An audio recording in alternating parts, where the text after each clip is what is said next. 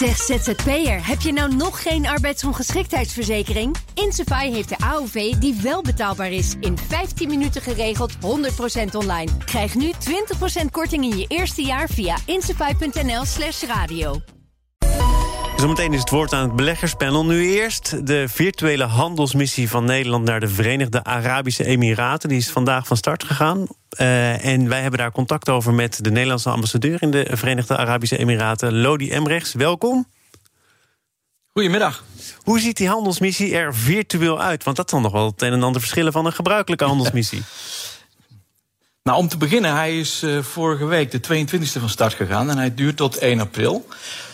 Mensen ontmoeten elkaar online. En dat is een behoorlijk grote groep geworden. Want we hebben inmiddels 264 deelnemers uit de Emiraten, 157 uit Nederland en 125 uit Oman. En die ontmoeten elkaar in uh, algemene sessies, als het gaat over water, energie en tuinbouw, waar de markt wordt toegelicht en besproken. Maar ook heel veel B2B, dus business-to-business meetings, waarbij bedrijven elkaar leren kennen en afspraken kunnen maken voor uh, ja, wat de toekomst ook mogen brengen. Nog voordat die handelsmissie goed en wel begon, was er al het een en ander te doen, omdat die uh, samen viel met eenzelfde virtuele handelsmissie naar Qatar. heeft dat er nog voor gezorgd dat ook deze handelsmissie, omdat veel mensen dat wellicht toch ten onrechte op één hoop gooien, enigszins verminkt is geraakt of niet? Ja, die Qatar-missie die is een, een, andere dynamiek gekend dan, dan de Verenigde Arabische Emiraten. De missie naar de Emiraten is gewoon doorgegaan. De missie naar Oman is gewoon doorgegaan. De contacten zijn die we gelegd, die, die hebben we in stand gehouden. Dus ministers spreken elkaar. Nee, daar heeft verder geen echte invloed geweest. En, en als ik kijk naar waar dan kansen liggen voor Nederlandse bedrijven, dan kom je op uh, typische Nederlandse expertises: water, energie, food, geloof ik. Dat is ook al eerder in kaart gebracht. Ja. Klopt. Uh, wat heeft ja, dat tot nu toe ja, opgeleverd? Want dit is dus geen nieuw inzicht. Uh, zijn er al veel Nederlandse bedrijven die de stap hebben gewaagd? Behoorlijk wat, inderdaad. Ja, kijk, het zijn ook geen nieuwe onderwerpen. Hè. We hebben als Nederland de keuze gemaakt om een, een x aantal jaren heel actief in te zetten op deze drie uh, thema's. Omdat juist die thema's ongelooflijk interessant zijn voor een samenwerking in deze regio. Nou, dat hoef ik niet toe te leggen. Waterschaars product. Energie moet een omslag maken naar duurzaamheid en tuinbouw. Als ik zeg dat 80, 90 procent van de, alle voedsel wordt geïmporteerd in de Emiraten, dan liggen daar enorme kansen voor Nederlandse bedrijven. Dat is zo, dat klopt. In de tuinbouwsector hebben we bijvoorbeeld al kassenprojecten met elkaar zijn we bezig met zogenaamde smart farming projecten, waarbij dus producten niet alleen voor de VAE-markt bestemd zijn, maar ook voor de regio. Op het gebied van water hebben we te maken met waterbehandeling. Daar moet je denken aan, aan meren bijvoorbeeld, hè, naar algengroei tegen te gaan, schoon water te leveren, eh, afvalwater te verwerken. Eh, dus ja, er zijn best wel dingetjes die inmiddels al behoorlijk wat uh, business hebben opgeleverd. Maar waar we heel graag nog meer van willen zien. En dat natuurlijk ook allemaal met één duidelijke stip aan de horizon, namelijk World Expo, geloof ik. Hè? 2021, oktober. Speelt dat nog een belangrijke rol in Dubai? Ja, het speelt zeker een belangrijke rol. Kijk, de expo is een jaar uitgesteld vanwege, vanwege corona. Uh, Nederland is daar uh, mooi aanwezig met een mooi, mooie, uh, mooie, mooi platform uiteindelijk. Niet per se alleen hè, om, om, om Nederland nou te promoten, maar met name ook om Nederlandse bedrijven de kans te geven om via ons paviljoen uh, contacten te leggen, nog eens hun contacten te ontmoeten, uh, activiteiten te ontplooien, noem maar op. En daar is ons thema is uiteindelijk water, energie en voedsel heel goed. Daar zijn ze weer. Sluiten we bij aan. Lodi Emrechts, ambassadeur ja. van Nederland in de Verenigde Arabische Emiraten. Dank voor dit gesprek. Beleggerspanel. De AEX stond gisteren voor het eerst sinds de zeebel van 2000 weer boven de 700 punten. En kledingmerken zoals H&M en Adidas liggen onder vuur in China. Dat en meer bespreek ik in het beleggerspanel. Lodewijk van der Kroft, partner bij beleggingsonderneming Comgest zit daarin. En hij zit ook in zijn tuinhuisje, vermoed ik. Koen Bender, directeur van Mercurius Vermogensbeheer. En Simon van Veen, fondsmanager van het Sustainable Dividend Value Fund. Welkom. Dankjewel. Ik ga snel praten om jullie toch nog uitgebreid de gelegenheid te geven... om over al die thema's mee te praten. Uh, Koen, jouw laatste transactie sla ik over. Jij hebt wel een, Simon. Uh, ja, ik heb wel een. Uh, mijn laatste transactie is de aankoop van een uh, Deens bedrijf dat heet Solar. Het is een B2B handelsonderneming. Um, veel e-commerce, dus de meeste verkopen gaan digitaal. Dat zorgt voor flinke groei van het bedrijf. En flinke groei levert winststijging en daarmee dividendstijging op. Nou, dat, dat vind ik altijd een heel belangrijk thema. wat ik ook belangrijk vind, is dat het management investeert in het eigen bedrijf. En uh, bij dit bedrijf hebben eigenlijk alle managers na publicatie van de jaarcijfers fors bijgekocht in hun eigen bedrijf. Dat is een blijk van vertrouwen. En dat is een enorm blijk van vertrouwen naast die dividendverhoging. Dus voor mij was dit een goed moment om het uh, aandeel in de portefeuille op te nemen. Over dividend komen wij nog te spreken. Lodewijk, goedemiddag. Goedemiddag. Ja, uh, niet heel veel transacties gedaan. We hebben wel een klein belangetje gekocht in de London Stock Exchange, de beurs van Londen. En het idee erachter is, als je niet weet wie er wint in het casino, kan je maar beter het casino zelf kopen. Heel slim, heel goed. Um, nou, daar valt ook nog wel meer over te zeggen, maar niet meer vandaag. Want uh, ja, het is ook zo dat de 700 punten grens in zicht is geraakt. Sterker nog, hij is al overschreden. Ik dacht, ik bespreek dat gisteren ook even met Jos Versteeg.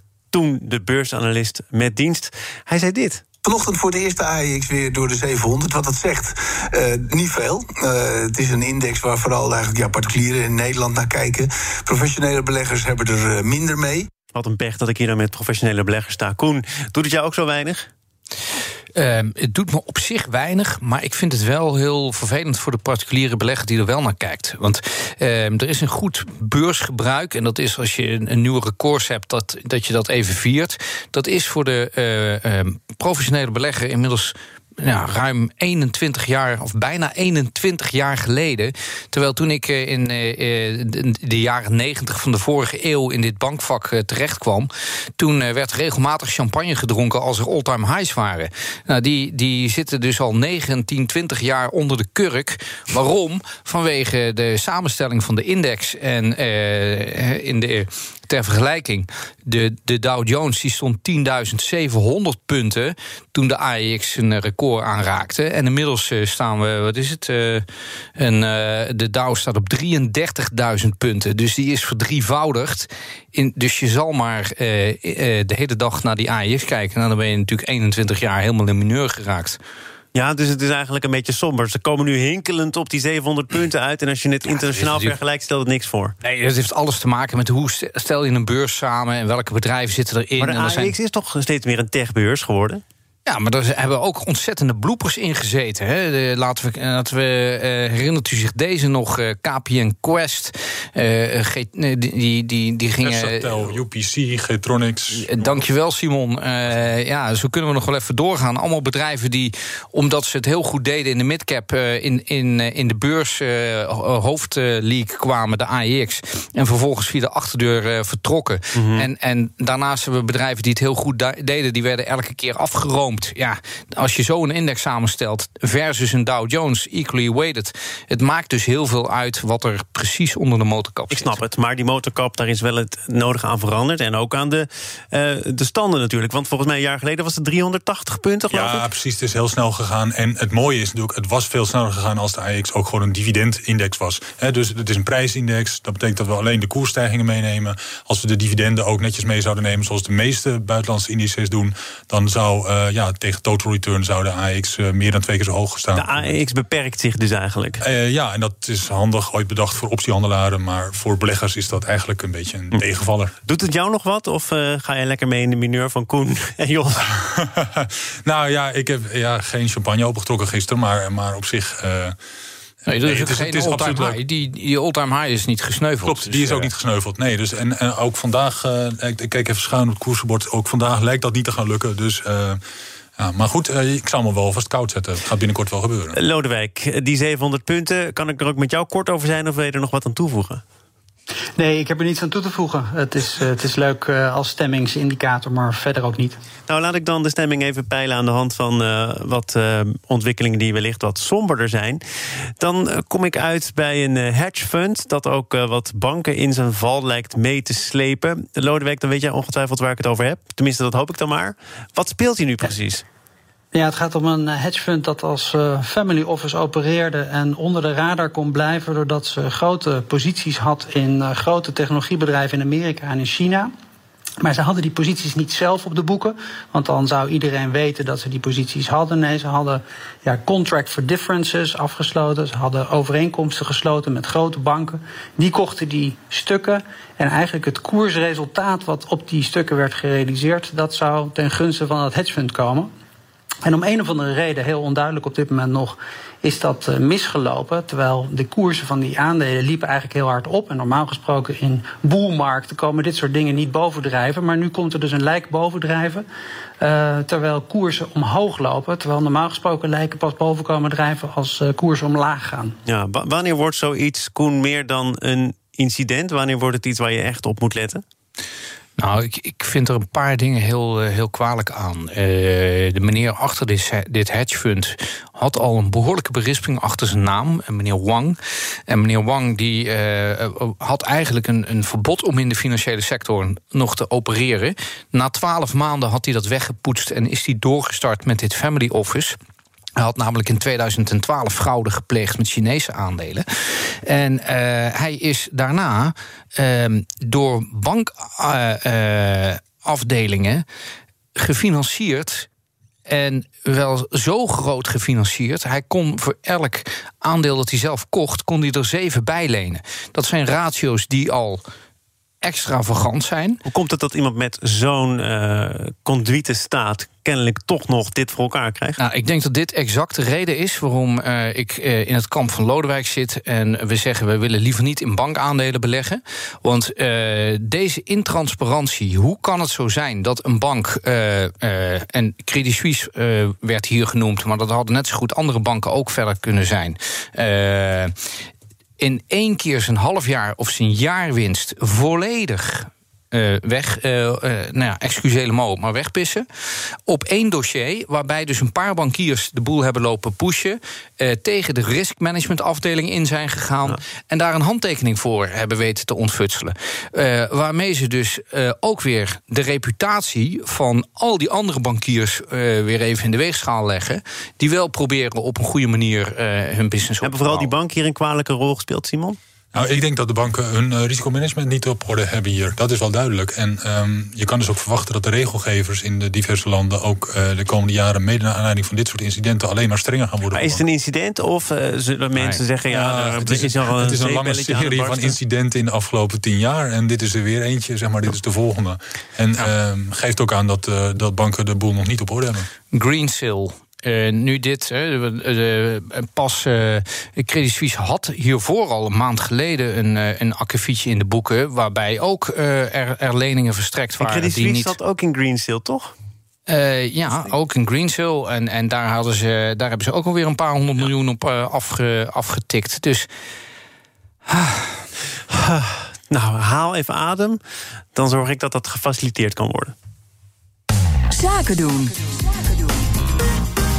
Het wordt dan het beleggerspanel met Lodewijk van der Kroft, Koen Bender en Simon van Veen. Uh, en we gaan het hebben over iets waar veel aandeelhouders van veel bedrijven het vorig jaar zonder moesten stellen, namelijk dividend. Maar nu gaan veel bedrijven weer terug naar het oude normaal, zoals dat dan zo mooi heet. Sommige bedrijven keren zelfs met terugwerkende kracht dubbel dividend uit. Simon van Veen van het Sustainable Dividend Value Fund. Hoera!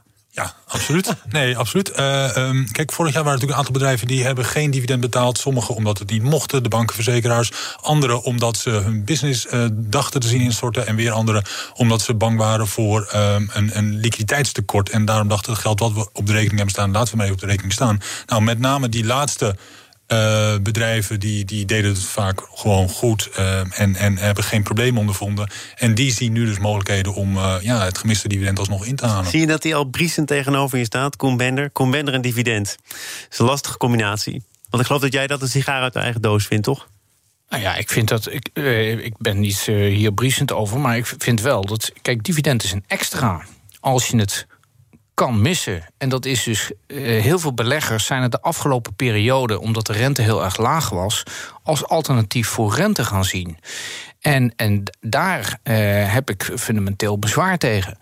Dividend moet iets zijn wat een extra is voor de belegger. Maar hoe vaak zeg jij hier niet dat je eigenlijk dat geld beter kunt stoppen in de structurele groei van je bedrijf? Ja, en sommige bedrijven hebben dat heel hard nodig. En anderen kunnen het misschien wel missen. En kunnen dus wel, hè, als je bijvoorbeeld kijkt naar een randstad, ja, daarvan kan ik me voorstellen die wat makkelijker. Maar eh, jij refereert vooral aan mijn bezwaar bij Koninklijke Olie dat ze dividend betalen. Ik denk dat dat bedrijf een voorbeeld is van een firma die een turnaround moet maken en daar heel veel geld voor nodig heeft en dus eigenlijk geen dividend zou moeten betalen.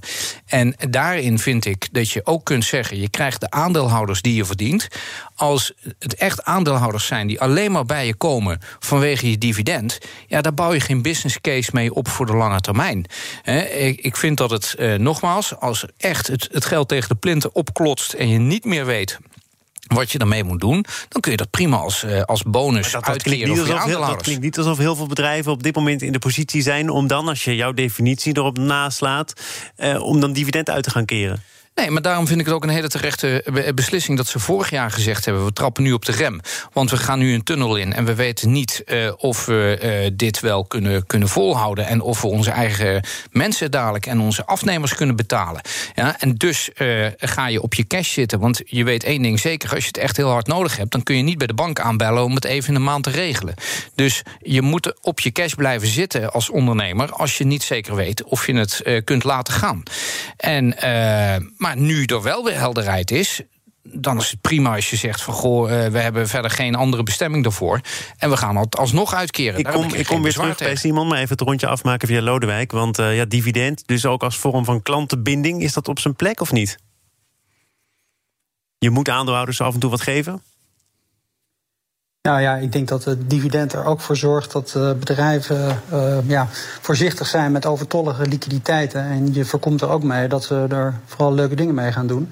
Uh, dus wat dat betreft is het prima dat bedrijven als ASML, wat behoorlijk veel investeert, ook ruimte ziet om een dividend uit te keren. En wat bedoel je met anders gaan ze er leuke dingen van doen? Nou ja, je loopt natuurlijk het risico dat als er te veel geld op de balans staat, uh, dat dat leidt tot het uh, doen van acquisities die niet noodzakelijkerwijs heel veel waarde gaan toevoegen. Uh, uit allerlei onderzoeken blijkt dat dat heel lastig vaak is om grote acquisities succesvol te integreren. Dus in dat geval dus, zou je zeggen, dan, dan maar de aandeelhouder tegemoet komen als je het kunt missen door dividend uit te keren? Ja, het zorgt er ook een beetje voor dat, uh, dat uh, het bedrijfsmanagement uh, ja, toch ook een beetje de tucht voelt om met dat geld voorzichtig om te gaan. Dus ik begrijp Koen zijn opmerkingen. Maar ik snap ook waarom Simon kijkt naar dividenduitkerende bedrijven. Nou, we zien je niet, maar ik heb zomaar het idee dat jij figuurlijk in ieder geval in het midden staat. Ga ik even naar rechts van mij, Simon. Want als je Koen kort samenvat, zegt hij dividend, prima, maar dan moet het geld wel uh, tegen de plint opklotsen.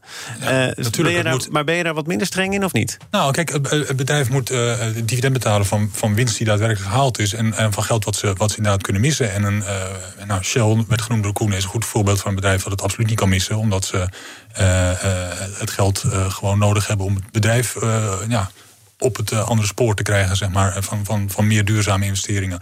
Uh, en maar, maar je rekent er wel op een aandeelhouder, hè? Het dividend van Shell is ook de reden dat je als aandeelhouder vorig jaar flink teleurgesteld. En, en de, dividend, de aandeelhouders van Shell zullen niet snel op het oude niveau terugkomen qua dividend. En, en, en sommige andere bedrijven, ik noem een KLM, die zullen, die zullen heel lang geen dividend meer zien. Dus, dus wat je nu signaleert, dat sommige bedrijven dividend weer weten te verhogen, ja, dat zijn wel de bedrijven die het zeg maar, goed gedaan hebben in de crisis. En erachter te komen, oké, okay, uh, voor liquiditeit hadden we het niet nodig. Ja. Dus, maar er zijn toch ook aandeelhouders die in een bedrijf zitten voor het dividend? Um, ja, maar dan moet je wel dus opletten bij welke bedrijven je in gaat zitten. Ja, goed. Dubbel dividend dan nog even tot slot, want dat komt ook voor. Uh, wanneer is dat op zijn plek, denk jij, Koen?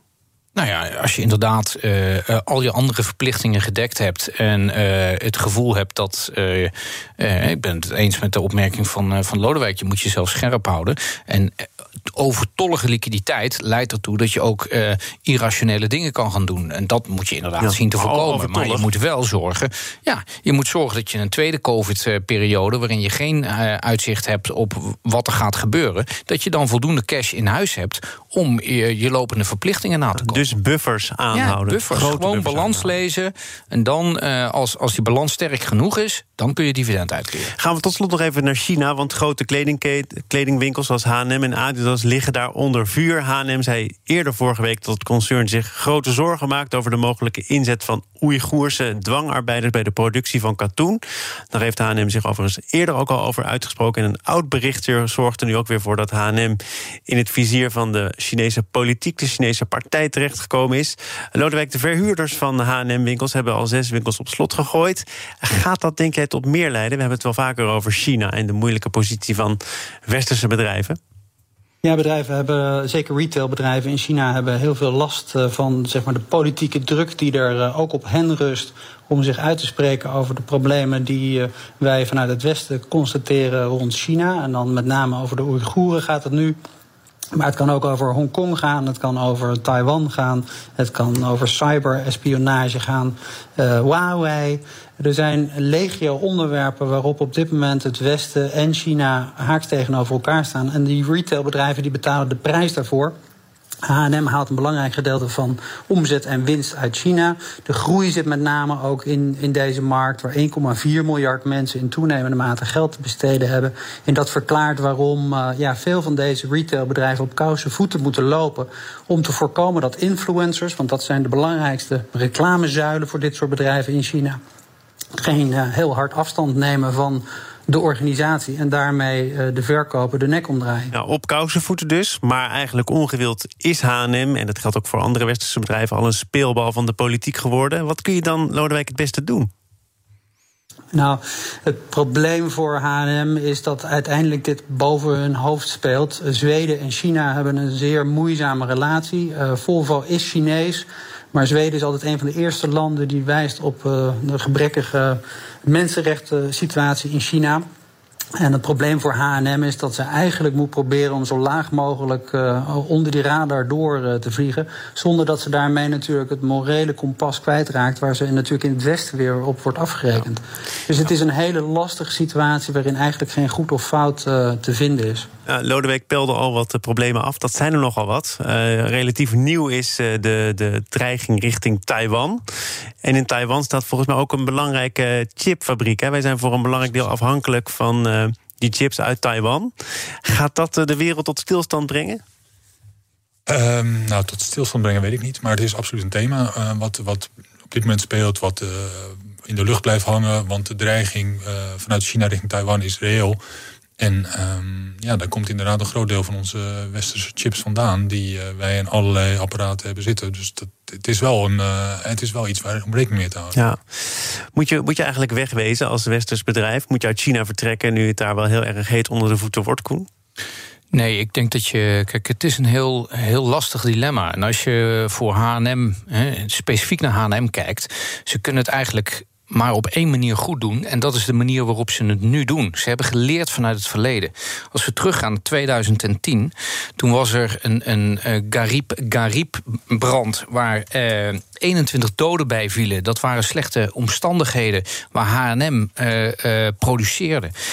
drie jaar later uh, was er Rana Plaza. Dat was het gebouw waar 1138 werknemers van H&M... onder erbarmelijke omstandigheden aan het werk waren. En dat gebouw stortte in.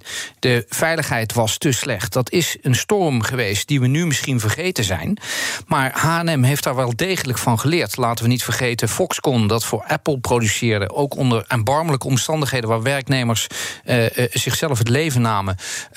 dat zijn dingen die kun je nu niet meer hebben. In een wereld... dat niet over China, maar over Bangladesh, hè? Dat ging over Bangladesh, maar dat ging ook over arbeidsomstandigheden. En die parallel is met de Oeigoeren nu te maken... dat ze onder dezelfde erbarmelijke omstandigheden gedwongen worden... om katoen te produceren. We zitten nu in een wereld waarin we steeds meer kijken naar... wat is het sociale aspect, wat is het milieuaspect... wat is het governance aspect. Dat is eerder deze maand voor ons als beleggers... een heel belangrijk thema geweest waar we ons aan moeten houden. En bedrijven als H&M kijken dus ook naar... wat zeggen die invloeden influencers dan in het Westen en in uh, uh, uh, andere gebieden over datzelfde onderwerp. Want die staan lijnrecht tegenover elkaar. En vervolgens kijk je naar je aandeelhouders. En kun je het aan je aandeelhouders verkopen dat je produceert met katoen die niet op een goede manier verwerkt is. Voor mij blijft en dan is het antwoord nee. een belangrijk thema. Gelukkig heb jij nog een duidelijke keer nee kunnen zeggen. Koen Bender van Mercurius Vermogensbeheer, Lodewijk van der Kroft van Comgest en Simon van Veen van het Sustainable Dividend Value Fund. Dank voor jullie bijdrage aan dit panel. Zometeen het laatste half uur van BNR Zaken doen, onder andere over plastic afval. Zeg ZZP'er, heb je nou nog geen arbeidsongeschiktheidsverzekering? Insafai heeft de AOV die wel betaalbaar is. In 15 minuten geregeld, 100% online. Krijg nu 20% korting in je eerste jaar via insafai.nl slash radio.